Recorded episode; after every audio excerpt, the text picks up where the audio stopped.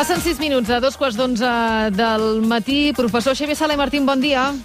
Hola, molt bon dia, com anem? Molt bé, avui em temo que a més de parlar d'economia haurem de parlar una mica també de futbol, vaja, de contractes, perquè en plena campanya per la presidència del Barça, que això també es va allargant i allargant com un xiclet, doncs eh, salta la filtració del contracte de Leo Messi al Mundo, a més en tres fascicles, eh, de tres dies seguits amb la portada dedicada a Leo Messi, 555 milions d'euros bruts en 4 anys, segons aquest eh, document que publica el diari El Mundo, i tot el rebombori que s'ha generat eh, al voltant d'aquesta notícia. Clar, hem recordat un capítol de l'economia en colors que, que vas fer a TV3 um, i, i, per tant, jo crec que és un bon moment per recuperar-lo i per recuperar aquella pregunta que tu et feies, que és, cobra massa Leo Messi? A veure, el, el, el que hem de pensar eh, quan, quan avaluem si una cosa costa molt o costa poc eh, és el, diguem, no només el, el que tu pagues per aquesta cosa, sinó el que tu aconsegueixes a canvi. Uh, per mi el gran delicte del, de les, dels articles del Mundo no és que hagin aconseguit i publicitat una cosa il·legal, que, com, és, diguem, com és fer públic una cosa privada que no s'ha de fer públic, aquí hi ha un, el, el, la filtració és un delicte, sinó el delicte de veritat és la, la, la manca de nivell intel·lectual, l'anàlisi tendenciosa i infantil, diria, de, la, de les paraules, no? no del contracte, sinó de la, les explicacions que dona Uh, la, la, no, i no parlo de les explicacions, les expressions rastreres, de, diguem, com uh, el contrato lleva, lleva el Barça a la ruïna, no? para mm. llevar el, la, el Barça de la glòria a la ruïna, o, o que el firma de rodilles, o que, o que un hombre no és un dios, no? que clarament ja es veu tendenciós, i no estic parlant d'això, que, que, que, que, que això diguem, també és delictiu. El gran delicte és la, la manca de, de, de rigor eh, econòmic eh, precisament per no tenir la, diguem el contrapunt. És a dir, el Barça dilapida aquests 500 milions eh, que no són 500 milions a l'any, eh, que, que també he vist la, la gent opinant que 500 milions a l'any, no, no, són 500 milions en diversos anys. Uh, però, diguem, el Barça dilapida aquests calés, bé, depèn del que hi treu uh, canvi, no? Uh, per exemple, uh, hi treu tres tipus de coses al Barça. Primera, i treu uns eh, ingressos eh, directes. És a dir, els contractes de patrocini són diferents si hi ha Messi o no hi ha Messi. Eh? Quan tu poses una, una, una publicitat a la samarreta o a darrere, quan es fas entrevistes, aquells, aquells noms que apareixen a, a darrere dels jugadors, aquells que paguen, paguen quantitats diferents si hi ha Messi o si no hi ha Messi um, el màrqueting, la quantitat de samarretes que es venen, si hi ha Messi o no hi ha Messi, són diferents. Per tant, els calés que guanya el Barça amb Messi eh, és diferent de quan no hi ha Messi. De fet, el 80% de les samarretes que es venen, saps que pots posar el nom a darrere, el 80% venen de Messi. El, els drets de televisió Um, els drets de televisió es paguen, els paga la Liga, la Liga de Futbol Professional, però la que, que, el que rep cada club depèn del número d'espectadors, i el número d'espectadors depèn de si juga Messi o no juga Messi. Per tant, d'entrada, el Barça ingressa directament molt més si hi ha Messi que no hi ha Messi, i res de tot això apareix en l'article. Segona, hi ha els efectes indirectes tots aquests contractes també depenen de si el Barça guanya o el Barça perd, de si el Barça té títols o si el Barça no té títols. I a ningú, ningú se li escapa que quan juga el Barça, eh, quan juga el Messi, el Barça guanya més, el Barça fa més gols, el Barça té més títols. Recordeu que eh, el, el, el, Barça, el, el Messi, el, el Barça amb Messi ha guanyat 4 Champions, 9 lligues, 6 copes i així fins a 36 títols eh, això de 36 títols a tota la gent que té la meva edat, que entre l'any que vam néixer i l'any que vam guanyar eh, la segona lliga, van passar 23 anys, eh? Els 23 primers anys de la meva vida 23 primers anys de la meva vida vam veure el Barça guanyar una lliga. Clar. El Messi n'ha guanyat 36.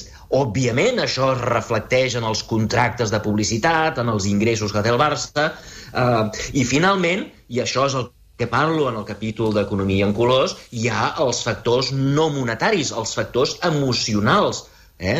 El Barça no és una empresa que eh, ha de donar dividends en els seus accionistes i, per tant, el que ha de fer és guanyar calés. No, el Barça ha de tenir prous calés per aconseguir l'objectiu de veritat, que és guanyar títols.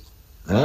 I, per tant, eh, i fer feliç a la gent i tenir fans, diguem, que, que, que s'ho passen bé quan guanyes el 2 a 6. I, per tant, això també s'hauria de comptar no com a benefici monetari, sinó com a benefici del que és realment eh, el Barça. L'exercici que jo faig en l'economia en, en colors és per explicar una cosa, un, un fenomen econòmic molt important, que són els béns no rivals. Eh? Què vol dir això? Béns no rivals. Uh, a veure, els béns rivals, que són la majoria de béns, de productes, són aquells que quan jo els consumeixo, tu no els pots consumir. Eh? Per exemple, una tassa de cafè. Quan jo em prenc un cafè, ningú més se'l pot prendre. Eh? Uh -huh. Uh, si volem tu i jo prendre'ns un cafè, s'han de fer dos cafès. I si 200 milions de persones volen cafè, s'han de fer 200 milions de cafès, eh? perquè són béns rivals. Uh, imaginem que, uh, diguem, que, que, per què poso aquest exemple del cafè? Imaginem que uh, el, el cafè ens el comprem, eh? un cafè, tu compres un cafè perquè et genera un plaer. I aleshores la pregunta és, quant de plaer et genera aquest, aquest cafè? Doncs, eh, doncs ha, de, ha de generar un plaer més o menys d'un, un, diguem, si el preu del cafè és un euro, doncs el plaer que genera ha de ser com a mínim d'un euro. Per què? Perquè tu compres el cafè voluntàriament i, per tant, eh, i, i, per tant, diguem, com a mínim, si tu pagues un euro, com a mínim, a canvi, tu hi has de treure una cosa similar a un euro. I això és el que els economistes posem, eh, en aquest sentit, els economistes posem el valor en termes de plaer que a mi em genera un cafè, més o menys ha de ser igual al preu. Estem mm. d'acord? Sí. Uh, això passa amb els cafès. Què passa? Que els gols del Messi no són rivals. Per què? Perquè quan el Messi fa un gol, tu el pots consumir, és a dir, tu el pots gaudir, jo el puc gaudir al mateix temps i 200 milions de persones el poden gaudir. Estem d'acord? Sí. Això, això és un bé no rival. Hi ha molts béns no rivals, no? El cine, el, eh, diguem, hi ha molts productes que són no rivals a la vida i, i per tant, s'han de tractar diferent en el món de l'economia. Imaginem que un gol del Messi produeix també un, un plaer d'un euro. Quan, quan estaríem disposats a pagar perquè el Messi fes un gol? Doncs, de fet, això en el programa d'Economia en Colors ho vam fer i vam, vam tenir la sort, no sé si recordeu aquell partit en el que el, el Barça va marcar, el Messi va marcar en l'últim minut contra el Real Madrid mm. i es va aixecar la samarreta i la va ensenyar així, sí. eh? Doncs en aquell dia estàvem gravant amb una penya, Economia en Colors, en una penya. I a mesura que anava passant el partit, anàvem preguntant a la gent, escolta'm, quan pagaries perquè ara mateix el Messi fes un gol? Al principi del partit la gent deia, bé, un euro, dos euros, tal. Uh, al final, quan, quan encara no havia marcat el Messi i uh, estava a punt d'acabar el partit, la gent, hi havia gent que ens deia jo estaria disposat a donar tot el meu salari d'un mes perquè ara el, el, el Messi li fotés un gol al Madrid. Ah, per eh? aquí. o sigui, la gent, la gent, hi ha moments que diu, ostres, donaria el que fos perquè marqués ara, eh? al, al, al final sí. de la Champions, en el, en el, el dia del Madrid, etc. És igual, posem que no la gent no, dona, no voldria donar tot un salari, tot un mes de salari, sinó que dona un euro, i que el número de seguidors del Barça al món són, com diuen els experts, més o menys 200 milions de persones. Uh -huh. Això què vol dir? A diferència del cafè, eh, per generar un plaer de 200 milions d'euros has de fer 200 milions de cafès, el Messi, com que produeix un bé no rival, només ha de fer un gol. Un gol. Clar, sí. Fa un gol i la gent obté un benefici, un, un, un plaer equivalent a 200 milions. Doncs bé, recordeu que el Messi, més o menys, de mitjana cada temporada, al llarg de la seva carrera, ha fet uns 50 gols. 50 gols. Si cada gol es valora igual a un euro, i hi ha gols que es valoren molt més, eh, els del finals de la Champions, els del Madrid, però és igual, pensem que ens dona un valor equivalent a un euro a cada un de nosaltres, vol dir que el Messi genera un valor per als seguidors del Barça equivalent a 10.000 milions a l'any. 10.000 milions. Uh -huh. I no cobra 10.000 milions. Fixa't que el que diu el Mundo que cobra són 138 milions a l'any. Per tant, Uh, cobra massa? Bueno, no ho sé, uh, però si tu mires els números de, del que genera, no només en termes de samarretes i de la publicitat que us deia abans, sinó el plaer que genera el Messi a tota la massa social del Barça, doncs es podria comentar que cobra massa poc, no massa. Hi ha, hi ha una altra qüestió, i de seguida passem a altres temes, eh, com uh, les vacunes, però uh, al final, més enllà de, de si cobra molt, cobra poc, uh, qui filtra aquest contracte, que és un document confidencial, que en teoria només tenen 4 o 5 persones, i després, amb, amb quina intenció? Tu tens sospites? Uh, jo no tinc sospites, però vull dir, no ha de ser difícil trobar, eh, perquè aquest contracte no el té massa gent. Eh? Aquest contracte el té el president, el té el, el, el cap de recursos humans, el té l'equip jurídic del Barça. És veritat que han de dipositar un contracte a la, a la Liga de Futbol Professional, però em sembla que massa més gent no el té. Per tant, entre tota aquesta gent que té, hem de mirar qui és el que té els incentius per mostrar-lo. No sé si els hem subornat o és una venjança o no sé què, però, però en teoria no hauria de ser massa difícil perquè no hi ha massa gent que el té. Ja. Mm, jo, no, jo no tinc ni idea de qui pot ser, però ha de ser algú que el tingui i que tingui ganes, incentius eh, per mostrar-lo. Eh, llavors, cadascú que intenti especular i jo espero que el proper president, una de les coses que faci a l'entrar sigui depurar responsabilitats, perquè això és molt greu. Eh? Diguem, el, a, a, a banda de la, de, del baix nivell intel·lectual de l'article del Mundo, hi ha el, el tema legal de que aquí s'ha filtrat un document privat i això és un delicte i aquest delicte no pot acabar sense, no, com va dir el Koeman eh? Uh, si qui l'hagi filtrat sigui qui sigui, no pot estar mai més relacionat amb el Barça mm. Doncs sortirem de dubtes suposem en les properes setmanes, el 7 de març eleccions a la presidència del Barça. Va canviant de tema um, estem tots molt pendents d'aquests plans de, de vacunació. Quan va començar la vacunació mundial, ara fa un mes, ens explicaves que les farmacèutiques havien fet els deures, que s'havien posat les les piles i que eren les administracions les que no estaven gestionant bé la distribució de les dosis. Ara què està passant? S'ha girat la truita? Quin és el problema d'aquesta falta de, de vacunes o d'aquest retard en el subministrament de les dosis? És culpa de la Unió Europea? És culpa de les farmacèutiques? A veure, en part és, parlem de, de la manca de vacunes a la Unió Europea. Sí, Els Estats sí. Units tenen un altre problema, que és la incompetència dels governs, però aquí, diguem, allà tenen vacunes i estan, estan, diguem, eh, estan guardades perquè el govern no, no ha fet els deures.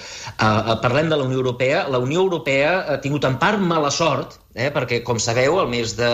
fa, fa un any, eh, quan, quan va començar a sortir la, el virus aquest, doncs les, els països van comprar, van apostar per tot tipus de vacunes. En aquell moment no se sabia quina funcionaria, quina no funcionaria, quina funcionaria primer i quina funcionaria segon, i resulta que eh, Europa va tenir la mala sort que va apostar per vacunes que encara no han anat bé, que s'han retardat, eh, no va apostar fort ni per Pfizer, ni per Moderna, ni per AstraZeneca, ¿vale? eh, que són les tres primeres que han sortit. Um, per tant, això és mala sort perquè ningú ho podia saber.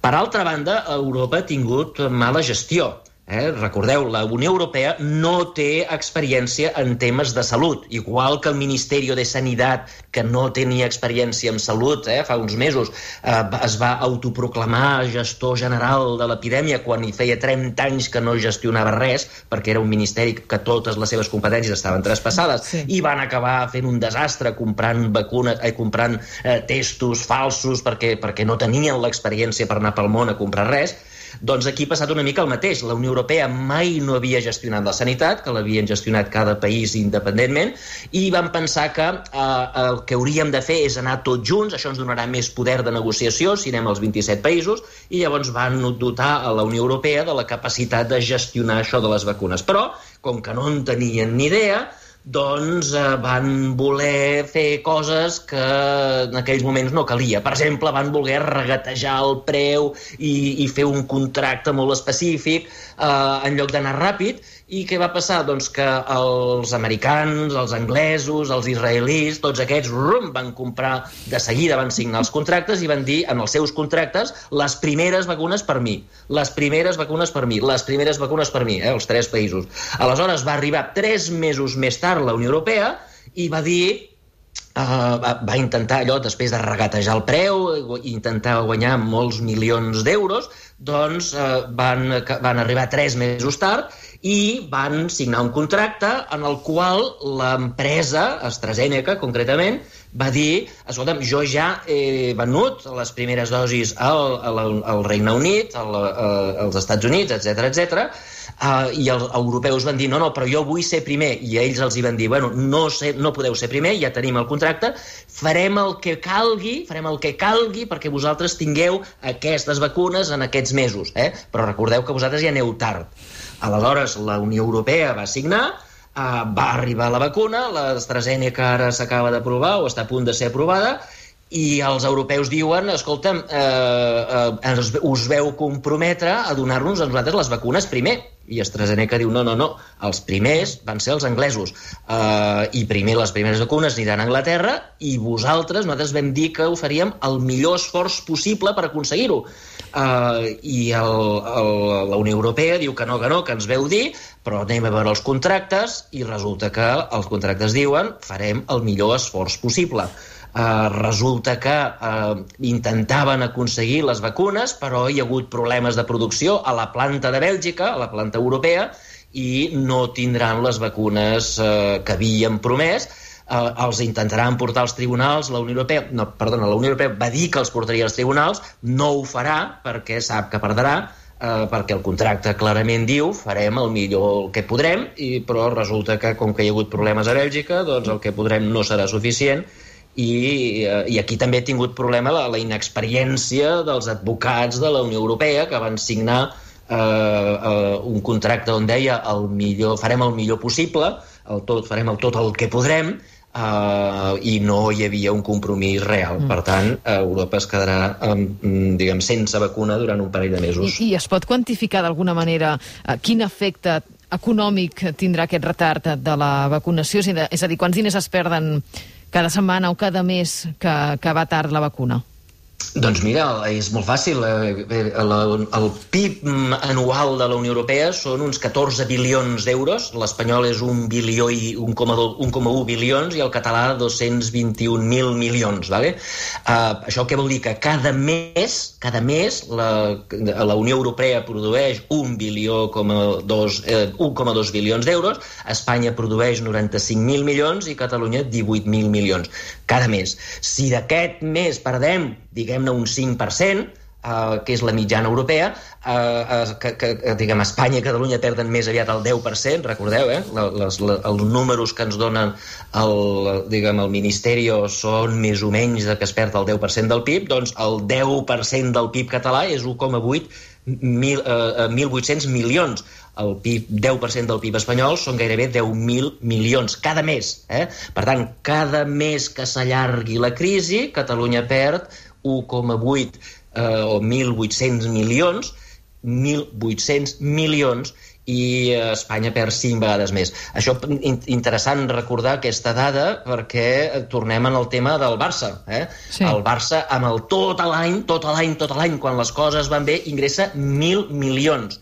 És a dir, que perdem 1.800 milions al mes, Catalunya, vol dir com si perdéssim tot el que ingressa el Barça dues vegades cada mes tot el que ingressa el Barça, eh, tot el salari del Messi, de, tots els salaris de tothom, cada mes dues vegades. Això és el que perdem. Uh, per tant, allargar la crisi un mes o allargar la crisi dos mesos, es calcula que la, la, la, la falta de vacunes allargarà tot dos mesos, dos mesos, eh, tot aquest problema que hi ha hagut amb AstraZeneca, dos mesos, per tant, a Catalunya ens costarà prop de 4.000 milions, quatre, diguem, quatre vegades el que genera el Barça durant tot un any, quatre vegades és el que perdrem. Ostres, quina por, aquests números.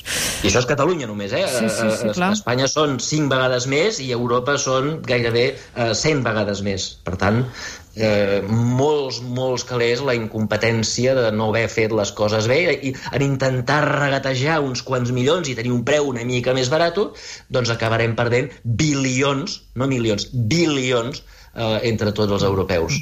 Abans d'acomiadar-te, i molt breument, ens queden res, tres minuts, Xavier, però eh, què ens expliques d'aquesta mena de rebel·lió eh, que hi ha hagut d'inversors, no sé si tu els hi diries aficionats o no, però aquests que han fet pujar un 1.600% les accions d'una companyia de videojocs que es diu GameStop. Bé, això són uns eh, nois a través de xarxes socials, una xarxa que es diu Reddit, s'han unit una sèrie de d'inversors petitets, cadascú posava pocs milers d'euros eh, i han, han fet que unes accions d'una empresa obsoleta, eh? una empresa que llogava, una empresa que lloga mm, jocs, jocs d'internet, però que els lloga altra cosa, quan abans hi havia video, video stores, video, no sé com es diu, video botigues, sí. eh? que, que anaves i llogaves vídeos... Llogaves un videoclub, els, un videoclub, no? Videoclub, això. Sí. Doncs n'hi havia també de jocs, eh? o també els video, videoclubs també juga, llogaven per, eh, jocs. Doncs eh, una empresa d'aquestes de jocs, que llogava jocs, Eh, que clarament ja és obsolet perquè la gent avui dia els jocs se'ls baixa a través d'internet, és una empresa que anava baixant, baixant, baixant i estava a punt de desaparèixer, uh, i hi havia empreses de Wall Street gegants que apostaven a que aquestes empreses anessin baixant i desapareixessin, i es van jugar molts, molts, molts calés.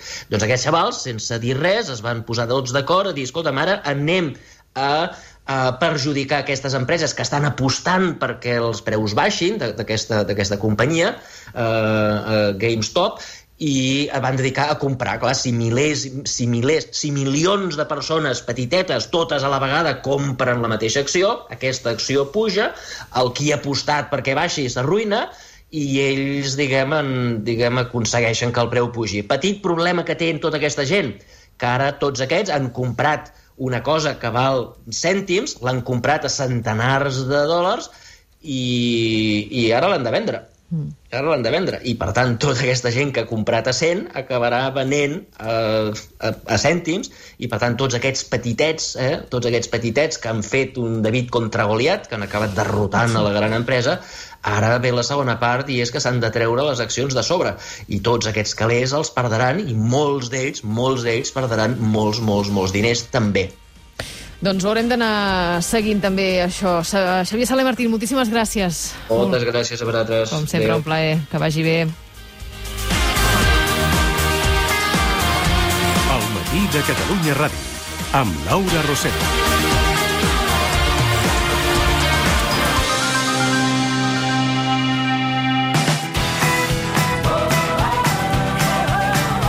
Catalunya Ràdio.